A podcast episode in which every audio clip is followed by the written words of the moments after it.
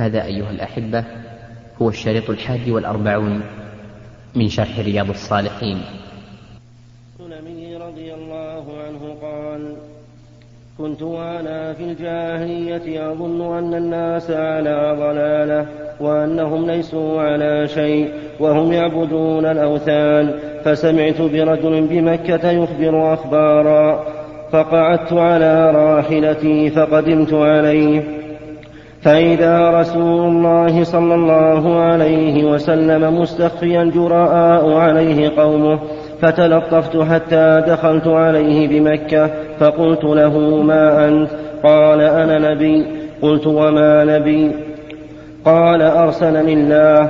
قلت وبأي شيء أرسلك؟ قال أرسلني بصلة الأرحام وكسر الأوثان. وأن يوحد الله لا يشرك به شيء. قلت فمن معك على هذا؟ قال حر وعبد. ومعه يومئذ أبو بكر وبلال رضي الله عنهما. قلت إني متبعك.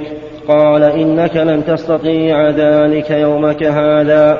ألا ترى حالي وحال الناس؟ ولكن ارجع إلى أهلك. فإذا, سم فإذا سمعت بي قد ظهرت فأتني. قال فذهبت إلى أهلي وقدم رسول الله صلى الله عليه وسلم المدينة وكنت في أهلي فجعلت أتخبر الأخبار وأسأل الناس حين قدم المدينة حتى قدم نفر من أهل المدينة فقلت ما فعل هذا الرجل الذي قدم المدينة؟ فقالوا الناس إليه سراع وقد أراد قومه قتله فلم يستطيعوا ذلك. فقدمت المدينة فدخلت عليه فقلت يا رسول الله أتعرفني؟ قال نعم. أنت الذي لقيتني بمكة؟ قال فقلت يا رسول الله أخبرني عما علمك الله وأجهله أخبرني عن الصلاة. قال صل صلاة الصبح ثم اقصر عن الصلاة حتى ترتفع الشمس قيد رمح فإنها تطلع حين تطلع بين قرني شيطان وحينئذ يسجد لها الكفار ثم صل فإن الصلاة مشهودة محظورة حتى يستقل الظل. حتى يستقل الظل بالرمح ثم اقصر عن الصلاة فإنه حينئذ تسجر جهنم فإذا أقبل الفيء فصل فإن الصلاة مشهودة محظورة حتى تصلي العصر ثم اقصر عن الصلاة حتى تغرب الشمس فإنها تغرب بين قرني شيطان وحينئذ يسجد لها الكفار. قال فقلت يا نبي الله فالوضوء حدثني عنه.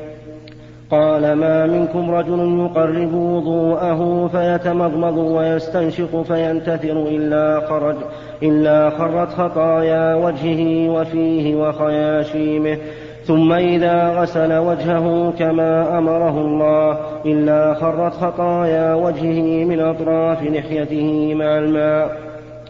ثم يغسل يديه إلى المرفق إلى المرفقين إلا خرت خطايا يديه من أنامله مع الماء ثم يمسح رأسه إلا خرت خطايا رأسه من أطراف شعره مع الماء ثم يغسل قدميه إلى الكعبين إلا خرت خطايا رجليه مع أنامله إلا خرت خطايا رجليه من أنامله مع الماء فإن هو قام فصلى فحمد الله تعالى وأثنى عليه ومجده بالذي هو له أهل وفرغ قلبه لله إلا انصرف من خطيئته كهيئته يوم ولدته أمه فحدث عمرو بن عبسة بهذا الحديث أبا أمامة صاحب رسول الله صلى الله عليه وسلم فقال له أبو أمامة يا عمرو انظر ما تقول في مقام واحد يعطى هذا الرجل. فقال عمرو يا أبا أمامة لقد كبرت سني ورق عظمي واقترب أجلي وما بي حاجة أن أكذب على الله تعالى ولا على رسوله صلى الله عليه وسلم. لو, لو لم أسمعه من رسول الله صلى الله عليه وسلم إلا مرة أو مرتين أو ثلاثا حتى عد سبع مرات ما حدثت أبدا به ولكني سمعته أكثر من ذلك. رواه مسلم. هذه الأحاديث التي ساقها المؤلف رحمه الله كلها أيضا فيها من الرجاء فيها من الرجاء ما فيها. فمن ذلك أن الصلوات الخمس تكفر السيئات التي قبلها كما في قصة الرجل الذي أصاب من امرأة قبلة والذي أصاب من امرأة والذي أصاب حدا وطلب من النبي صلى الله عليه وآله وسلم أن يقيمه عليه. فإن الصلاة هي أفضل أعمال البدن تذهب السيئات. قال الله تعالى وأقم الصلاة طرفي النهار وزلفا من الليل إن الحسنات يذهبن السيئات. ولكن لا بد أن تكون الصلاة على الوجه الذي يرضاه الله عز وجل كما في حديث عمرو بن عبسة حينما توضأ حينما أمره النبي صلى الله عليه وآله وسلم أن يتوضأ وأرشده إلى ذلك بأن الإنسان إذا توضأ خرجت خطاياه. وإذا صلى وقد فرغ قلبه لله كفر الله عنه. فلا بد من ملاحظة هذا القيد لأن من الناس من يصلي ولكنه ينصرف من صلاته ما كتب له إلا عشرها أو أقل لأن قلبه غافل.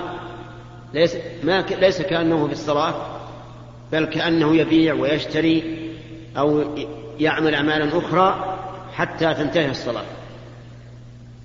ومن وساوس الشيطان أن الإنسان يصلي فإذا كبر للصلاة انفتحت عليه الهواجيس من كل مكان فإذا سلم زالت عنه.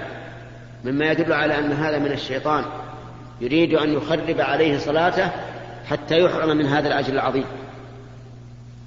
وفي حديث عمرو بن عبسة فوائد كثيرة منها أن النبي صلى الله عليه وآله وسلم بدأ غريبا خائفا مختفيا عليه الصلاة والسلام. جاءه عمرو بن عبسة وقد رأى ما عليه أهل الجاهلية وأنهم ليسوا على شيء فصار يتطلب الدين الصحيح الموافق للفطرة حتى سمع بالنبي صلى الله عليه وآله وسلم في مكة فجاء إليه فوجده مستخفيا في بيته. لم يتبعه إلا حر وعبد أبو بكر وبلال لم يتبعه أحد. وفي هذا دليل على أن أبا بكر رضي الله عنه أول من, من آمن أول من آمن بالرسول عليه الصلاة والسلام هو أبو بكر. ثم آمن بعده من الأحرار علي بن أبي طالب رضي الله عنه. ولكنه عن النبي صلى الله عليه وآله وسلم من حكمته قال له إنك لا تستطيع أن تعلن إسلامك في هذا اليوم. ولكن اذهب فإذا سمعت أني خرجت فأتني فذهب وأتى إليه بعد نحو ثلاث عشرة سنة في المدينة بعد أن هاجر وقال له أتعرفني؟ قال نعم. وأخبر أنه يعرفه لم ينسى لمدة ثلاثة عشر سنة. ثم أخبره بما يجب عليه لله عز وجل من الحقوق وبين له أن الإنسان إذا توضأ وأحسن الوضوء خرجت خطاياه من جميع أعضائه وأنه إذا صلى فإن هذه الصلاة تكفر عنه. فدل ذلك على أن فضل الله عز وجل أوسع من غضبه وأن رحمته سبقت غضبه. نسأل الله أن يرحمنا وإياكم برحمته إنه جواد كريم. قال رحمه الله تعالى باب فضل الرجاء. قال الله تعالى إخبارا عن العبد الصالح وأفوض أمري إلى الله إن الله بصير بالعباد فوقاه الله سيئات ما مكروا. وعن أبي هريرة رضي الله عنه عن النبي صلى الله عليه وسلم أنه قال قال الله عز وجل أنا عند ظن عبدي بي وأنا معه حيث يذكرني. والله لله أفرح بتوبة عبده من أحدكم يجد ضالته بالفلاح. ومن تقرب إلي شبرا تقربت إليه ذراعا. ومن تقرب إلي ذراعا تقربت إليه باعا. وإذا أقبل إلي يمشي أقبلت إليه أهرول. متفق عليه وعن جابر بن عبد الله رضي الله عنهما أنه, أنه سمع النبي صلى الله عليه وسلم قبل موته بثلاثة أيام يقول لا يموتن أحدكم إلا وهو يحسن الظن بالله عز وجل. رواه مسلم. وعن أنس بن مالك رضي الله عنه قال سمعت رسول الله صلى الله عليه وسلم يقول قال الله تعالى يا ابن آدم إنك ما دعوتني ورجوتني غفرت لك على ما كان منك ولا أبالي. يا ابن آدم لو بلغت ذنوبك عنان السماء ثم استغفرتني غفرت لك. يا ابن آدم إنك لو أتيتني بقراب الأرض خطايا ثم لقيتني لا تشرك بي شيئا لاتيتك بقرابها مغفرة. رواه الترمذي وقال حديث حسن. مالك رحمه الله تعالى باب فضل الرجاء. لما ذكر رحمه الله النصوص الدالة على الرجاء وعلى سعة فضل الله وكرمه ذكر فضل الرجاء. وأن الإنسان ينبغي له أن يكون طامعا في فضل الله عز وجل راجيا ما عنده. ثم ذكر قول العبد الصالح وهو الرجل المؤمن من آل فرعون الذي يكتم إيمانه وكان ناصحا لقومه يناصحهم ويبين لهم بالبراهين ما عليه قومه من الباطل وما عليه موسى من الحق. وفي النهاية قال فستذكرون ما أقول لكم وأفوض أمري إلى الله إن الله بصير بالعباد. أفوض أمري إلى الله يعني أجعله مفوضا إليه. لا أعتمد على غيره ولا أرجو إلا إياه. إن الله بصير بالعباد. قال الله تعالى فوقاه الله سيئات ما مكروا أي سيئات مكرهم وحاق بآل فرعون سوء العذاب. ثم ذكر حديث أبي هريرة أن الله تعالى قال في الحديث القدسي أنا عند ظن عبدي بي وأنا معه إذا ذكرني. أنا عند ظن عبدي بي يعني أن الله عند ظن عبده به. إن ظن به خيرا فله وإن ظن به سوى ذلك فله. ولكن متى يحسن الظن بالله عز وجل؟ يحسن الظن بالله إذا فعل الإنسان ما يوجب فضل الله ورجاءه. فيعمل الصالحات ويحسن الظن بالله بأن الله تعالى يقبلها. أما أن يحسن الظن وهو لا يعمل فهذا من باب التمني على الله. ومن أتبع نفسه هواها وتمنى على الله الأماني فهو عاجز. حسن الظن أن يوجد, أن يوجد من الإنسان عمل يقتضي حسن الظن بالله عز وجل. فمثلا إذا صليت أحسن الظن بالله بأن الله يقبلها منك. إذا صمت فكذلك. إذا تصدقت فكذلك. إذا عملت عملا صالحا أحسن الظن بأن الله تعالى يقبل منك. أما أن تحسن الظن بالله مع مبارزتك له بالعصيان فهذا دأب العاجزين الذين لا ليس عندهم رأس مال يرجعون إليه. ثم ذكر أن الله سبحانه وتعالى أكرم من عبده.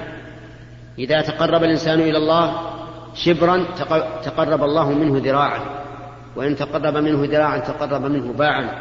وإن أتاه يمشي أتاه يهرول عز وجل. فهو أكثر كرما وأسرع إجابة من عبده. وهذه الأحاديث وأمثالها مما يؤمن به أهل السنة والجماعة على أنه حق حقيقة لله عز وجل. لكننا لا ندري كيف تكون هذه الهرولة كيف يكون هذا التقرب. فهو أمر ترجع كيفيته إلى الله وليس لنا أن نتكلم فيه. لكن نؤمن بمعناه ونفوض كيفيته إلى الله عز وجل. ثم ذكر المؤلف أحاديث في هذا المعنى. كلها تدل على أنه ينبغي للإنسان أن يحسن الظن بالله سبحانه وتعالى ولكن مع فعل الأسباب التي توجب ذلك. نسأل الله تعالى أن يوفقنا وإياكم لما فيه الخير والصلاح في الدنيا والآخرة. رحمه الله تعالى باب الجمع بين الخوف والرجاء. اعلم أن المختار للعبد في حال صحته أن يكون خائفا راجيا. ويكون خوفه ورجاؤه سواء وفي حال المرض يتمحض الرجاء وقواعد الشرع من نصوص الكتاب والسنة وغير ذلك متظاهرة على ذلك. قال الله تعالى فلا يأمن مكر الله إلا القوم الخاسرون وقال إنه لا ييأس من روح الله إلا القوم الكافرون. وقال يوم تبيض وجوه وتسود وجوه. وقال تعالى إن ربك لسريع العقاب وإنه لغفور رحيم. وقال تعالى إن الأبرار لفي نعيم وإن الفجار لفي جحيم. وقال تعالى فأما من ثقلت موازينه فهو في عيشة راضية وأما من خفت موازينه فأمه هاوية. والآيات في هذا المعنى كثيرة فيجتمع الخوف والرجاء في آيتين مقترنتين أو آيات أو آية. وعن أبي هريرة رضي الله عنه أن رسول الله صلى الله عليه وسلم قال لو يعلم المؤمن ما عند الله من العقوبة ما طمع بجنته أحد ولو يعلم الكافر ما عند الله من الرحمة ما قلق من جنته رواه مسلم. وعن أبي سعيد الخدري رضي الله عنه أن رسول الله صلى الله عليه وسلم قال إذا وضعت الجنازة واحتملها الناس أو الرجال على أعناقهم فإن كانت صالحة قالت قدموني قدموني. وإن كانت غير صالحة قالت يا ويلها أين تذهبون بها؟ يسمع صوتها كل شيء إلا الإنسان ولو سمعه صعق. رواه البخاري وعن ابن مسعود رضي الله عنه قال قال رسول الله صلى الله عليه وسلم الجنة أقرب إلى أحدكم من شراك نعله والنار مثل ذلك رواه البخاري. بسم الله الرحمن الرحيم. قال المؤلف رحمه الله تعالى باب الجمع بين الخوف والرجاء. وتغليب الرجاء في حال المرض. هذا الباب قد اختلف فيه العلماء. هل الإنسان يغلب جانب الرجاء أو جانب الخوف؟ فمنهم من قال يغلب جانب الرجاء مطلقا ومنهم من قال يغلب جانب الخوف مطلقا ومنهم من قال ينبغي أن يكون خوفه ورجاؤه واحدا. لا يغلب هذا على هذا ولا هذا على هذا. لأنه إن غلب جانب الرجاء أمن مكر الله. وإن غلب جانب الخوف يئس من رحمة الله. وقال بعضهم في حال الصحة يجعل رجاءه وخوفه واحدا كما اختاره النووي رحمه الله في هذا الكتاب. وفي حال المرض يغلب الرجاء أو يمحضه. وقال بعض العلماء أيضا إذا كان في فعل الطاعة فليغلب الرجاء وأن الله قبل منه. وإذا كان عند فعل المعصية فليغلب الخوف لئلا يقدم على المعصية. والإنسان ينبغي أن يكون طبيب نفسه. إذا رأى من نفسه أنه آمن من مكر الله أي أنه مقيم على معصية الله متمن على الله الأماني فليعدل عن هذه الطريقة. وليسلك طريق الخوف. وإذا رأى أن فيه وسوسة وأنه يخاف بلا موجب فليعدل عن هذا الطريق وليغلب جانب الرجاء حتى يعتدل خوفه ورجاؤه ثم ذكر المؤلف رحمه الله آيات جمع الله فيها بين ذكر بين ذكر ما يوجب الخوف وذكر ما يوجب الرجاء. ذكر فيها أهل الجنة وأهل النار وذكر فيها صفته عز وجل أنه شديد العقاب وأنه غفور رحيم. وتأمل قوله تعالى اعلموا أن الله شديد العقاب وأن الله غفور رحيم ما على الرسول إلا البلاغ. حيث إنه في مقام التهديد والوعيد قدم ذكر شدة العقاب. اعلموا أن الله شديد العقاب وأن الله غفور رحيم. وفي حال تحدثه عن نفسه وبيان كمال صفاته قال نبئ عبادي أني أنا الغفور الرحيم وأن عذابي هو العذاب الأليم. فقدم ذكر المغفرة على ذكر العذاب لأنه يتحدث عن نفسه عز وجل وعن صفاته الكاملة ورحمته سبقت غضبه. ثم ذكر المؤلف أحاديث في هذا المعنى تدل على أنه يجب على الإنسان أن يجمع بين الخوف والرجاء. مثل قول النبي عليه الصلاة والسلام لو يعلم المؤمن ما عند الله من عقاب ما طمع في في جنته أحد. والمراد لو يعلم علم حقيقة وعلم كيفية لا أن المراد لو يعلم علم نظر وخبر فإن المؤمن يعلم ما عند الله من العذاب لأهل الكفر والضلال. لكن حقيقة هذا لا تدرك الآن لا يدركها إلا من وقع في ذلك أعاذنا الله وإياكم من عذابه. ولو يعلم الكافر ما عند الله يعني من الرحمة والمغفرة ما خاف من النار أحد. والمراد حقيقة ذلك وإلا فإن الكافر يعلم أن الله غفور رحيم ويعلم معنى المغفرة ويعلم معنى الرحمة. وذكر المؤلف أحاديث في معنى ذلك مثل قوله الجنة أقرب إلى أحدكم من شراك نعله والنار مثل ذلك. شراك النعل يضرب به المثل في القرب لأنه لأن الإنسان لابس لنعله. فالجنة أقرب إلى أحدنا من شراك نعله لأنها ربما تحصل للإنسان بكلمة واحدة والنار مثل ذلك. ربما تحدث النار بسبب كلمة يقولها القائل. مثل الرجل الذي كان يمر على صاحب معصية فينهاه ويزجره فلما تعب قال والله لا يغفر الله لفلان. فقال الله تعالى من ذا الذي يتألى علي ألا أغفر لفلان قد غفرت له وأحبطت عملك. قال أبو هريرة تكلم بكلمة أوبقت دنياه وآخرته. نعوذ بالله. فالواجب على الإنسان أن يكون طبيب نفسه. في, في كونه يغلب الخوف أو الرجاء.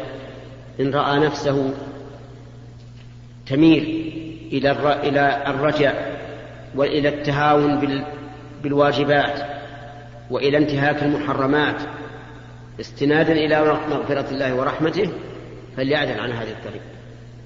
وإن رأى أنه أن عنده وسواسا وأن الله لا يقبل منه فإنه يعدل عن هذا الطريق.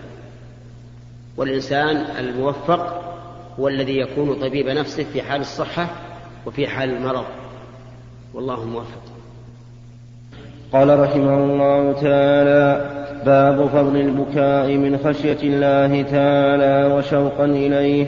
قال الله تعالى ويخرون للأذقان يبكون ويزيدهم خشوعا. وقال تعالى أفمن هذا الحديث تعجبون وتضحكون ولا تبكون؟ وعن أبي مسعود رضي الله عنه قال قال لي النبي صلى الله عليه وسلم اقرأ علي القرآن. قلت يا رسول الله أقرأ عليك وعليك أنزل.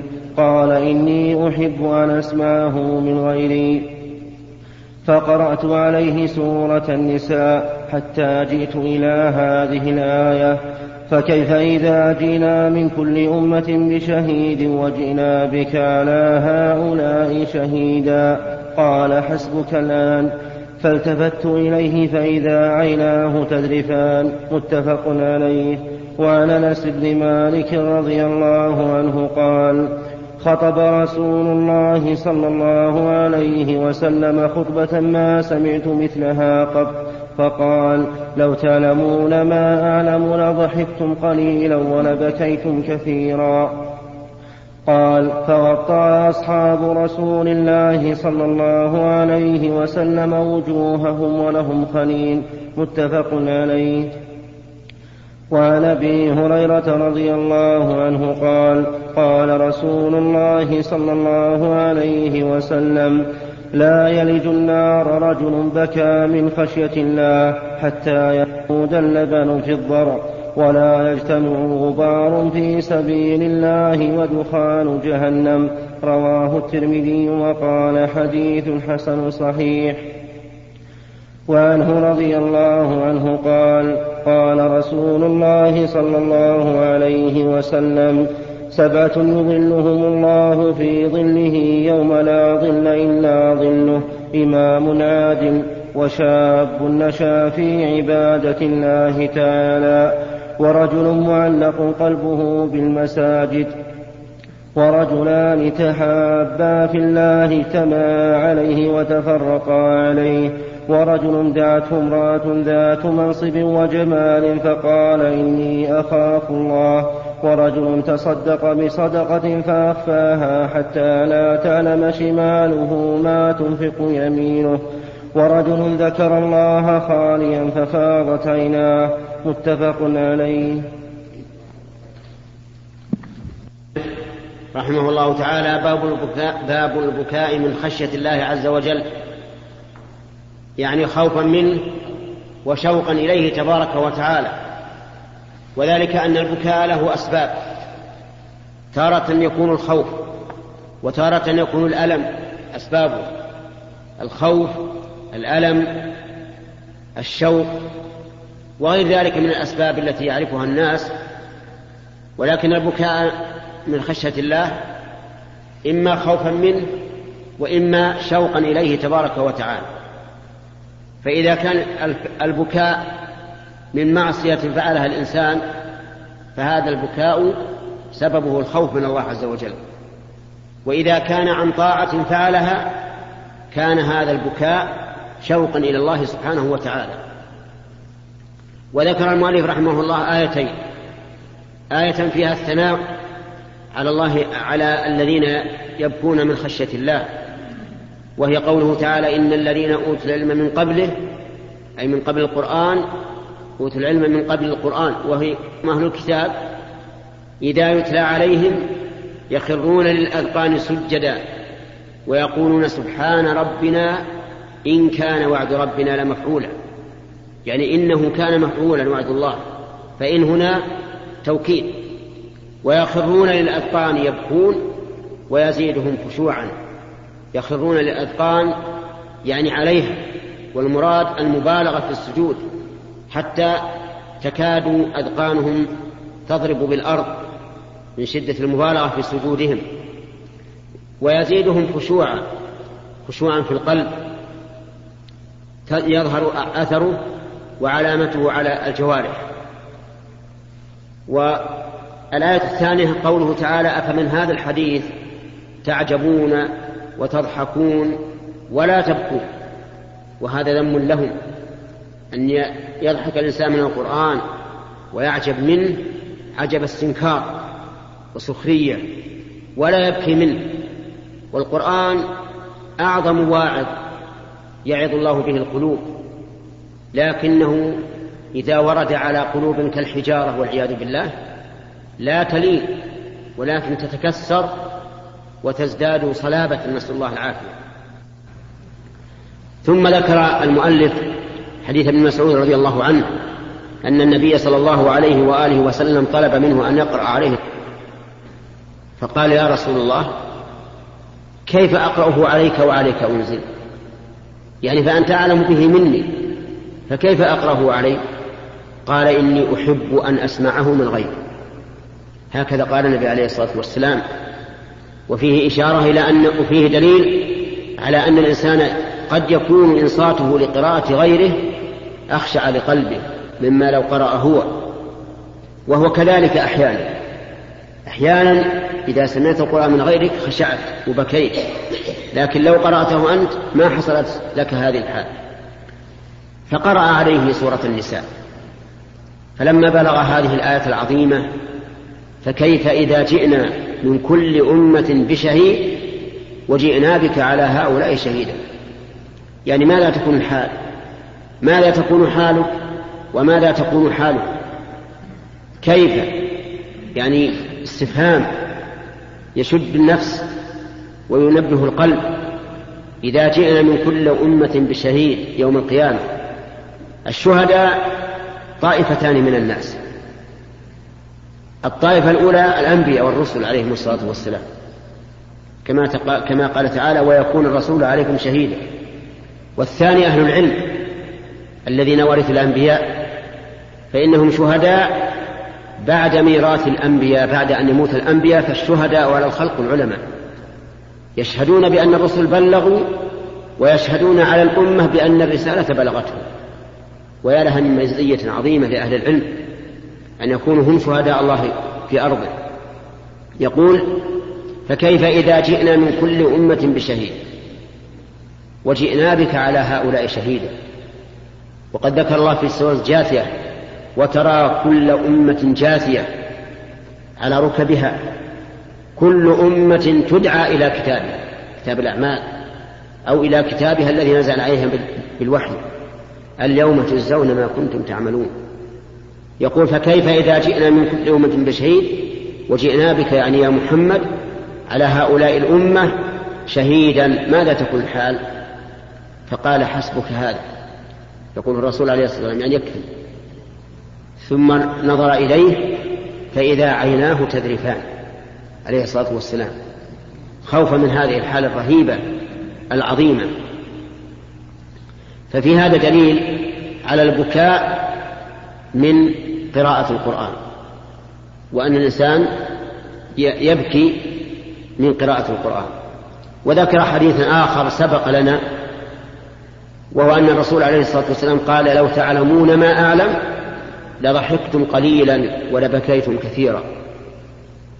يعني لو تعلمون ما أعلم من حقائق الأمور التي أخفاها الله عنكم وعلمها الرسول عليه الصلاة والسلام. لكنه أخفاها الرسول أخفاها الله تعالى عن, عن الخلق رحمة بهم. وعلمها النبي صلى الله عليه وآله وسلم ولكنه لم يؤمر بإبلاغها للناس. وقد يكون المراد بذلك حقائق ما أخبر به أنه يعلم شيئا من الحقائق لا يعلمه الناس. فالله أعلم.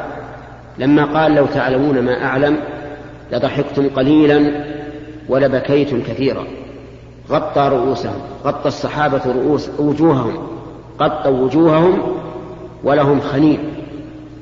يعني صوت أصوات بكاء يبكون لأن المراد بقول الرسول عليه الصلاة والسلام لو تعلمون ما أعلم التحذير مما علمه عليه الصلاة والسلام. فجعلوا يبكون رضي الله عنهم وأرضاهم. وهذا يدل على كمال إيمانهم وكمال تصديقهم بما أخبر به الرسول صلى الله عليه وآله وسلم. ثم ذكر المؤلف حديث أبي هريرة المشهور وقد سبق أيضا سبعة يظلهم الله في ظله يوم لا ظل إلا ظله. وذكر منهم رجل ذكر الله خاليا ففاضت عيناه. ذكر الله بأسمائه وصفاته وأفعاله وأحكامه وآياته ذكر الله ففاضت عيناه. إما شوقا إليه وإما خوفا منه. فهذا من الذين يظلهم الله في ظله يوم لا ظل إلا ظله. والمراد بالظل هنا ظل يخلقه الله عز وجل يوم القيامة يظلل من شاء من عباده. وليس المراد ظل نفسه جل وعلا لأن الله نور السماوات والأرض. ولا يمكن أن يكون الله ظلا من الشمس فتكون الشمس فوقه وهو بينها وبين الخلق. من فهم هذا الفهم فهو بليد أبلد من الحمار. لأنه لا لا يمكن أن يكون الله عز وجل تحت شيء من مخلوقاته. فهو العلي الأعلى ثم هو نور السماوات والأرض. قال النبي عليه الصلاة والسلام حجابه يعني حجاب الله النور. لو كشفه لأحرق السبحات وجهه ما انتهى إليه بصره من خلقه. يعني لو كشف هذا الحجاب والحجب أيضا من نور لكنها نور دون نور الباري عز وجل. لو كشف الله هذا النور لأحرق السبحات وجهه أي بهاؤه وعظمته ونوره. ما انتهى إليه بصره من خلقه وبصره ينتهي إلى كل شيء. والمعنى لو كشفه لأحرق هذا النور كل شيء. كيف يكون المراد بالظل ظل الرب عز وجل؟ لكن كما قلت لكم بعض الناس أجهل من الحمار. لا لا يدري ماذا يترتب على قوله الذي يقوله في في تفسير كلام الله وكلام رسوله. ولا يمكن أن يريد أن يريد الرسول عليه الصلاة والسلام هذا. حتى الرواية التي وردت في ظل عرشه فيها نظر. لأن المعروف أن العرش أكبر من السماوات والأرض والشمس والقمر والنجوم.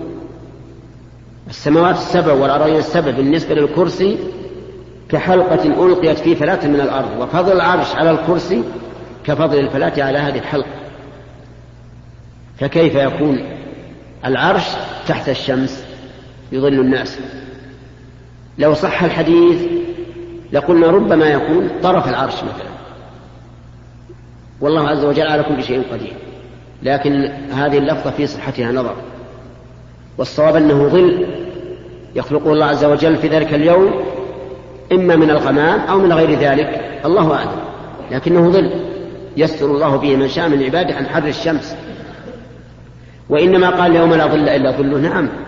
لأننا في الدنيا نستظل بالبناء الذي نبني نستظل بالأشجار التي تنادس نستظل بسبوح الجبال بالجدران بغير ذلك نستظل بأشياء نحن نصنعها بأيدينا وبأشياء خلقها الله عز وجل.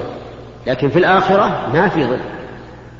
قال الله تعالى ويسألك عن الجبال فقل ينسفها ربي نسفا كل الجبال تنسف مهما عظمت أكبر الجبال وأعظمها تنسف تكون رملا هباء منثورا تطير في الجو. وترى الجبال تحسبها جامدة وهي تمر مر السحاب. صنع الله الذي أتقن كل شيء. في الهواء تطير. وأن تظنها جامدة لا تتحرك لا لا تتحرك.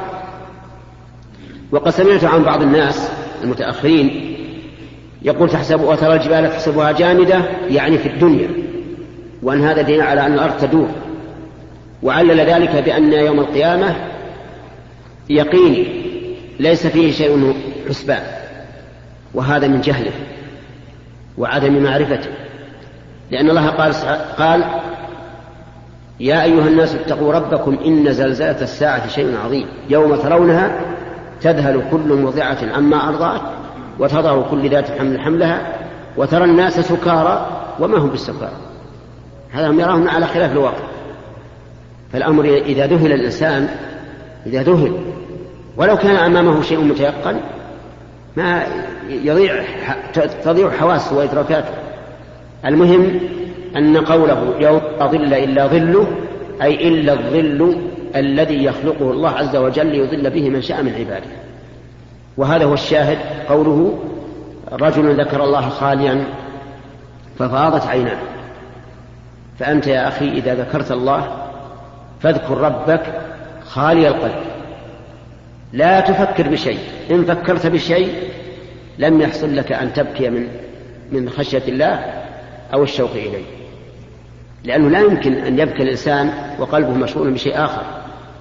كيف تبكي شوقا الله وخوفا منه وقلبك مشغول بغيره؟ لا يمكن. ولهذا قال ذكر الله خاليا. يعني خالي القلب مما سوى الله عز وجل.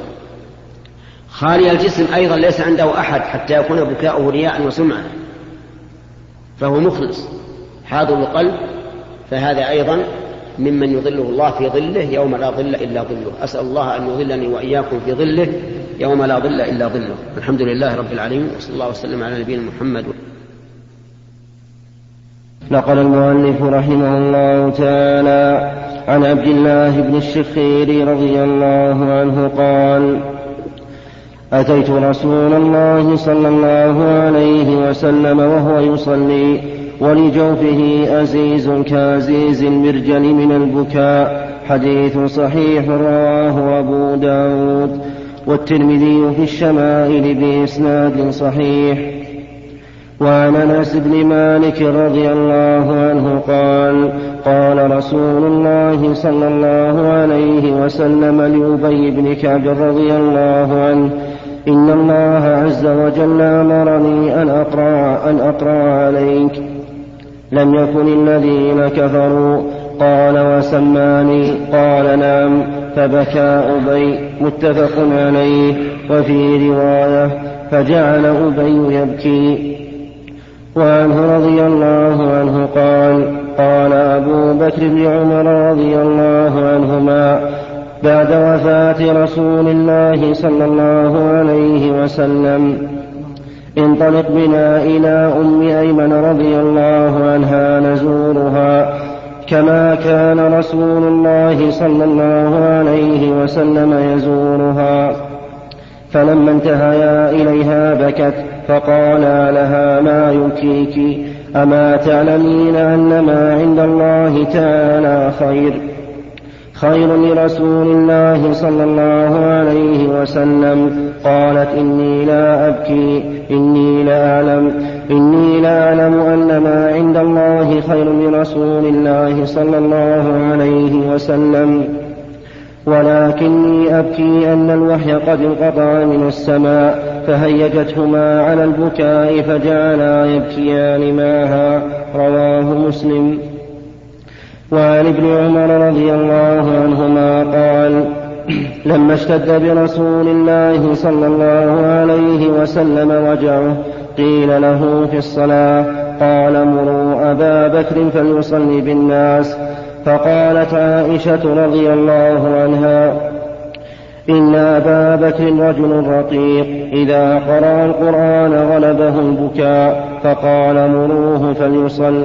وفي رواية عن عائشة رضي الله عنها قالت قلت إن أبا بكر إذا قام مقامك لم يسمع الناس من البكاء من البكاء متفق عليه. وعن إبراهيم بن عبد الرحمن بن عوف أن عبد الرحمن بن عوف رضي الله عنه أتي بطعام وكان صائما. فقال قتل مصعب بن عمير رضي الله عنه وهو خير مني فلم يوجد له ما يكفن فيه إلا بردة إن غطي بها رأسه بدت رجلاه وإن غطي بها رجلاه بدا رأسه. ثم بسط لنا من الدنيا ما بسط أو قال أعطينا. قد خشينا أن تكون حسناتنا عجلت لنا ثم جعل يبكي حتى ترك الطعام. رواه البخاري. إلى الأحاديث التي ذكرها المؤلف في باب البكاء من خشية الله أو من الشوق إليه سبحانه وتعالى ذكر فيها عدة أحاديث. منها حديث عبد الله بن الشخير رضي الله عنه أنه أتى النبي صلى الله عليه وسلم وهو يصلي وكان لصدره عزيز كعزيز المرجل.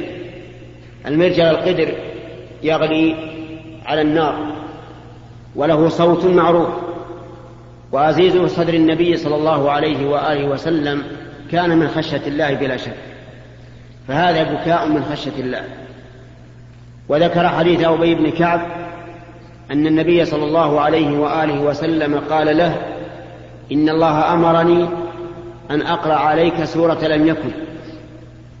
لم يكن الذين كفروا من أهل الكتاب والمشركين منفكين. فقال أوسماك لي؟ قال نعم. فبكى. لكن هذا البكاء البكاء يحتمل أن يكون شوقا إلى الله عز وجل لأن أمر نبيه صلى الله عليه وآله وسلم أن يقرأ هذه السورة على أبي تدل على رفعة أبي بن كعب رضي الله عنه. ويحتمل أن يكون ذلك من الفرح فإن الإنسان ربما يبكي إذا فرح إذا فرح كما أنه يبكي إذا حزن. ثم ذكر المؤلف رحمه الله أحاديث كلها تدل على البكاء على الحزن على ما مضى. منها حديث أم أيمن رضي الله عنها حين زارها الصحابيان أبو بكر وعمر أتيا إليها كما كان النبي صلى الله عليه وآله وسلم يزورها فلما أتيا إليها بكت. فقال لها ما يبكي؟ أما علمت أن ما عند الله خير لرسوله صلى الله عليه وآله وسلم قالت بلى. لا أبكي أني لا أعلم. يعني بل أنا أعلم ولكني أبكي لأن الوحي انقطع من السماء. قطع الوحي. فبكت فبكت فأبكي فبكي معه. وكذلك حديث عبد الرحمن بن عوف رضي الله عنه حين جيء إليه بالطعام وهو صائم. والصائم يشتهي الطعام عادة ولكنه رضي الله عنه تذكر تذكر ما كان عليه الصحابة الأولون. وهو من وهو أعني عبد أعني عبد الرحمن من الصحابة الأولين من المهاجرين رضي الله عنه. لكن احتقارا لنفسه قال إن مصعب بن عمير رضي الله عنه كان خيرا منه وكان مصعب رجلا شابا كان عند والديه في مكة وكان والداه أغنياء أمه وأبوه يلبسانه من خير اللباس لباس الشباب والفتيان وقد دللاه دلالا عظيما. فلما أسلم من فضلك هجراه اقلب الشريط. وأبعداه وهاجر مع النبي صلى الله عليه وآله وسلم فكان مع المهاجرين وكان عليه ثوب مرقع.